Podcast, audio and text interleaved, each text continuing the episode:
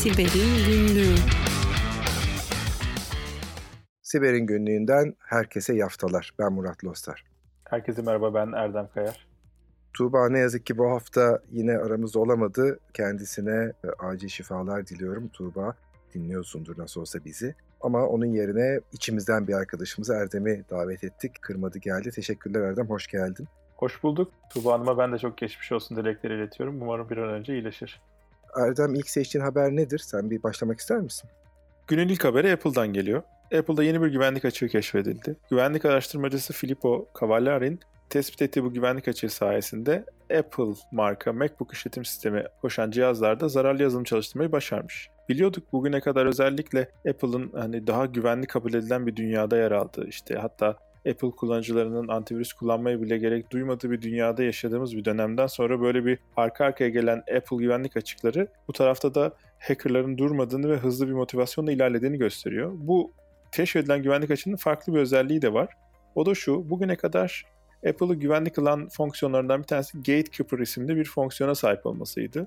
Bu Gatekeeper isimli fonksiyon aslında Apple'ın kendi tarafından onaylı, imzalı yani Apple tarafından kontrol edilmiş, zararlı yazılım olmadığına emin olunan uygulamaların sadece çalışmasını sağlayan bir fonksiyondu. Bu güvenlik araştırmacısı bulduğu güvenlik açığı ile bu fonksiyonun bu kontrolünü bypass etmeyi başararak bilgisayarlara uzaktan zararlı yazılım yüklemeyi başarmış durumda. Ve bu hem uzaktan olabilmesi hem de bu fonksiyonu devre dışı bırakabilmesiyle aslında Apple kullanıcılarının ciddi bir tehlike altına da atıyor şu anda. Aynı zamanda bu güvenlik araştırmacısı kendi blogunda yayınladığı tüm detaylarla bunu nasıl yapılabileceğini de anlattı ve bunu yayınlamadan önce de Apple'a 90 günlük bir süre verdiğini ve 90 günlük süre sonunda bunu yayınladığını ve hala da Apple'ın buna bir çözüm bulamadığını artık hepimiz biliyoruz. Şu anda hala hali hazırda tüm MacBook kullanıcıları aslında bu saldırıya karşı açık ve orada verilen önlemleri uygulamasını da özellikle tavsiye ediyoruz. Burada iki tane yorumum var Erdem bu haberde. Bunlardan bir tanesi bu elbette etik bir şekilde güvenlik açıklarını halka yayma konusunda hepimizin bildiği bir takım kurallar var biliyorsun. Burada acaba Apple 90 gün boyunca kulağının üstüne yattı ve ilgilenmedi. Dolayısıyla aslında araştırmacının açıklaması doğru bir yere mi dayanıyor?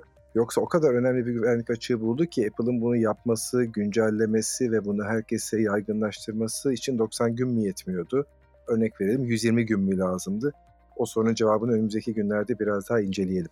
Bir ikincisi de hep söyleriz e, aslında güvenli işletim sistemi, güvenli bilgisayar yoktur. Ancak hackerların çok fazla ilgisini çekmemiş olan e, işletim sistemleri, bilgisayarlar, sistemler, yaklaşımlar vardır diye. E, burada onun sonuçlarından bir tanesi. Apple kullanımı son yıllarda telefonu kastetmiyorum. Bilgisayar işletim sistemi anlamında da çok yaygınlaşmaya başladığı için bu tarafa yönelik saldırılar, uğraşlar da arttı ve sonuçlar da alınmaya başladı gördüğümüz gibi. Aynen öyle haklısınız. E, ilk yorumunuza istinaden aslında araştırmacının ifadelerine bakarsak sanki biraz hani ilgilenmiyorlar havası yaratarak bir ifade kullanmış ama tabii Apple'dan resmi bir açıklama gelmediği için gelene kadar da bunu bilemiyor olacağız şu anlık. Benim bugünkü ilk haberim e, Microsoft'a ait. Madem Apple'ı konuşuyoruz hemen üstüne bir de Microsoft haberi konuşalım. E, Mitre'nin zafiyetler e, numarasında 2019'a 708 isimli şey, numaralı ya da ismen baktığımız zaman BlueKeep isimli bir güvenlik açığı. Bu güvenlik açığının ilginç bir tarafı var. Aslında standart bir güvenlik açığı gibi düşünebiliriz. Uzak ekran bağlantısı ya da Remote Desktop Services RDP portu üzerinden çalışan bir şey. Fakat bunun esprisi şu. Ta Windows XP'nin ilk günlerinden beri üzerinden 20 yıl mı geçti ne kadar geçti o zamandan beri var olan bir güvenlik açığının aslında ortaya yeni çıkması e, bu konu.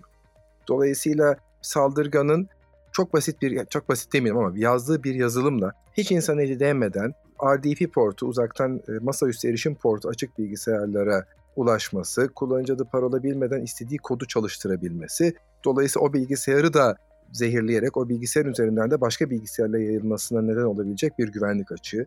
Bu da belki önümüzdeki günlerde işte 2017'de gördüğümüz WannaCry ya da NotPetya gibi saldırıların tekrarını karşımıza çıkaracağı anlamına geliyor. Buna hemen bir bakmak istedim. Acaba şirket içine virüsler bulaşmadan en azından internetten nerelere bulaşabilir diye. Şu anda Türkiye'de e, bu portu açık işletim sistemleri açısından da bakarsak yaklaşık 20 bin tane bilgisayar var.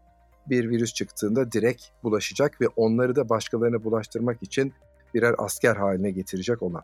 Oldukça önemli Microsoft bununla ilgili aslında kendisi tarafında yapması gerekeni yapmış durumda. Az önce Apple haberinden farklı olarak. Yamalar çıkmış durumda ama bu yamaları yüklemek tabii ki bizlerin, kullanıcıların, adminlerin, yöneticilerin sorumluluğunda. Bir de e, eski işletim sistemleri XP gibi artık destek dışı olan ve üzerine yama yayınlanmayan ürünler için de Microsoft bunun yamalarını yayınlamış durumda. Ama yine e, artık otomatik Windows Update e, bu ürünler için çalışmadığından yamanın gidip elle yüklenmesi gerekiyor Erdem. Gerçekten önemli. Hakikaten güvenlik dünyasının direkt ana gündemi oldu diyebiliriz. Benim burada aslında size sormak istediğim bir soru var. Türkiye'de biliyorsunuz özellikle işte bir dönem fide yazılımları dediğimiz bu ransomware'lerle bol bol yapılan ve COBI'yi daha çok etkileyen saldırıların ana noktalarında bir tanesi de bu remote desktop dediğimiz protokolün dışarıya açık olmasından kaynaklı. Oradaki kullanılan kolay parolaları tespit edip hackerların oradan sunuculara sızarak sunucunun içindeki dataları şifrelemesi gibi bir saldırı yöntemi. İstanbul 1453 değil mi? Türkiye'nin en favorilerinden Aynen bir tanesi. öyle. Böyle olunca şimdi artık hackerlar e, parolayı bulmakla da uğraşmak yerine direkt dışarıya açık bu servisleri kullanarak Kobi dünyasında özellikle ransomware'ın tekrar bir popülerliğin artacağını öngörebilir miyiz? Öngörebiliriz. Bunu ne kadar süreceğini sadece öngöremeyiz. Yani şu anda eminim e, bir takım saldırı grupları bunun üzerinde çalışıyorlar. Bunun için bir işe yarayabilecek olan bir mekanizma yaratıyorlar. Önümüzdeki aylarda demeyeceğim, haftalarda da bunu yaşayacağımızı, bunu göreceğimizi düşünüyoruz. Çözüm ise son derece basit. Bir, tabii ki yamayı yüklemek ama e, burada dışarıya açık uzak masaüstü RDP tabii ki anlamlı ve yeterli değil. E, ama hani bunu mümkünse kapatmak, e, mümkün değilse dışarı açmamak, dışarı açmak gerekiyorsa direkt interneti açmak yerine bunu bir VPN'in ya da başka kontrollü bir yapının altına almak. Mümkün olan yerlerde Kobi için çok anlamlı değil biraz daha kurumsal yerlere doğru gidiyorum saldırı tespit ve önleme sistemlerinde IDS ve IPS'lerde bununla ilgili kuralları girip alarm üretmesini ve mümkün olan yerlerde bağlantıyı kesmesini sağlamak gibi konular aslında temel çözümler tahmin edebileceğin gibi. E, aynen öyle e, dediğiniz gibi e, ve bir kötü haber benim duyduğum kadarıyla e, daha stabil bir şekilde çalışabilen bir exploit bu hafta yavaş yavaş internette dolaşmaya başlamış. Evet onu biz duyduysak e, zaten çoktan bunun işte satışları, satın almaları gerçekleşmiştir onun üzerine para kazanmak için olan kodlar yazılıyordur şu anda. Evet, e, bir sonraki haberimizde aslında bir diğer teknoloji devi Google'dan geliyor. Ve hakikaten de Google'ın e, yani itibarına yakışmayan seviyede bir haberden bahsediyoruz. Google, Google Apps olarak bildiğimiz aslında kurumsal dünyaya verdiği e, uygulama paketinin içerisindeki kullanıcıların parolalarını 14 yıldır düz metin olarak tanımlayacağımız veri tabanlarında açık olarak sakladığı ortaya çıktı. E, bunun nasıl ortaya çıktı ve bunun altında yatan neden neydi diye araştırıp incelediğimizde aslında Google Apps'in parola kurtarma özelliğini 14 yıl önce tasarlarken oradaki işlev içerisinde bir hata yaptığı ve burada yönetici konsolu üzerinde şifrelenmemiş parolaları saklama üzerine bir dizayn yaptığı ve bunu bir şekilde göz ardı ederek aslında düzeltmediği, belki farkına varmadığı gibi bir durumla karşılaşmış. Daha sonrasında yaptığı açıklamada da hani bu açık işte internet açık sunucularımızda değil bizim tamamen internal tarafta ve hani sadece kontrollü bir şekilde erişim sağlayabildiği şeklinde bir kanıt özür kabahatinden büyük diyelim gibi bir şeyle geldi hakikaten. Hani hiçbir kimsenin de erişebildiğine dair bir kanıt bulmadık. Bununla ilgili de işte forensic investigation'larımızı yaptık gibi açıklamalarda bulundu ama hakikaten ilginç. Bu kadar önemli ve işte kurumsal da bir application olarak sunduğu belki de ortak yani deminki konuştuğumuz gibi Kobi gibi şirketlerin tüm dünyada tanımlayacağımız Kobi'lerin bolca kullandığı bir application setinden bahsediyoruz. Sizce Google birçok denetimden geçen önemli bir şirket. Nasıl atlattılar denetimleri ya da denetimlerde nasıl yakalanmadı bu konu?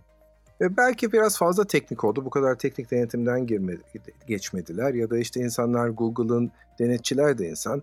E, Google'ın isminden etkilenip belki bu kadar inceleyip sık dokumadılar.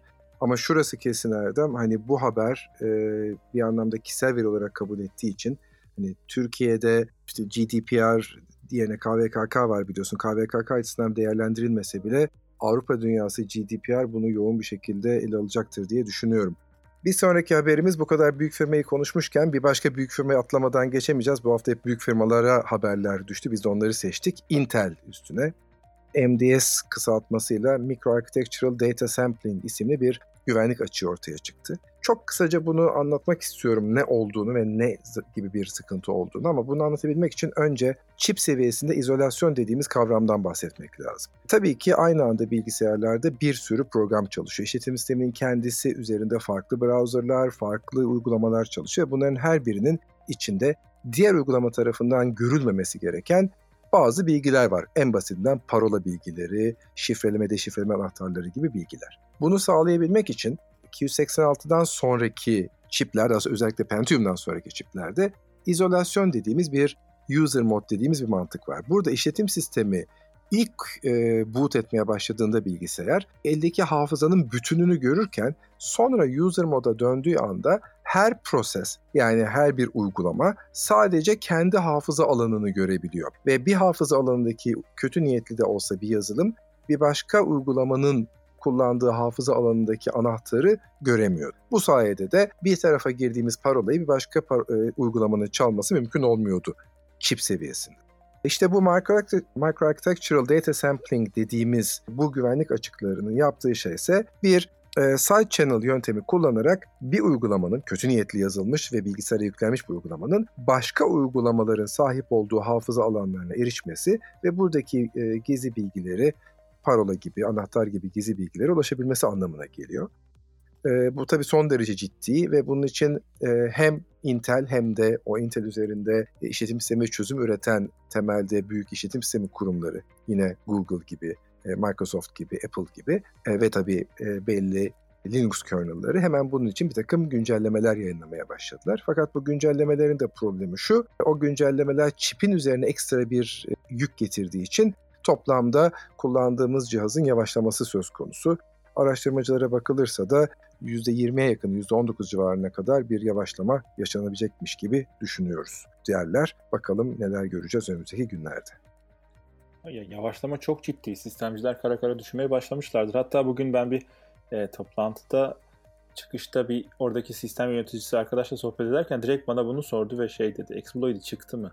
Yani biz bunun yamasını aslında geçmek istemiyoruz ama tehlikenin ne kadar içerisindeyiz? Ben de size sorayım. Exploit çıktı mı? Henüz çıkmadı ama hani az önce konuştuğumuz gibi yakındır. Bu arada tabii başka bir açıdan düşününce bu da ilginç. Hani Intel e, bir güvenlik açığı yapıyor. Çözüm için sistem yavaşlatılıyor. E, sistemin yavaşlaması ne demek? Daha fazla CPU ihtiyacı demek. Yani güvenlik açığı yüzünden Intel daha fazla para kazanacak önümüzdeki günlerde. Çünkü daha fazla çip satacak. Bu da ilginç bir ikilem gibi durdu bana. Bu camcı hikayesini aklımıza getirdi sanki biraz. Evet, evet. Intel ise senetleri güvenlik açığı sonucunda düşmesi gerekirken acaba yükselecek mi? Onu bir değerlendirelim bakalım önümüzdeki günlerde nasıl bir tepki verecek borsa. Evet bu haftalık da bu kadar. Bu haftanın bir özelliği de var. Yarın bayram, daha doğrusu yarından sonra bayram tatili başlıyor. Önümüzdeki hafta bayram. O yüzden herkese keyifli, sağlıklı, güzel bir bayram diliyorum ve güvenli haftalar diliyorum. Hoşçakalın. Herkese iyi bayramlar. Görüşmek üzere.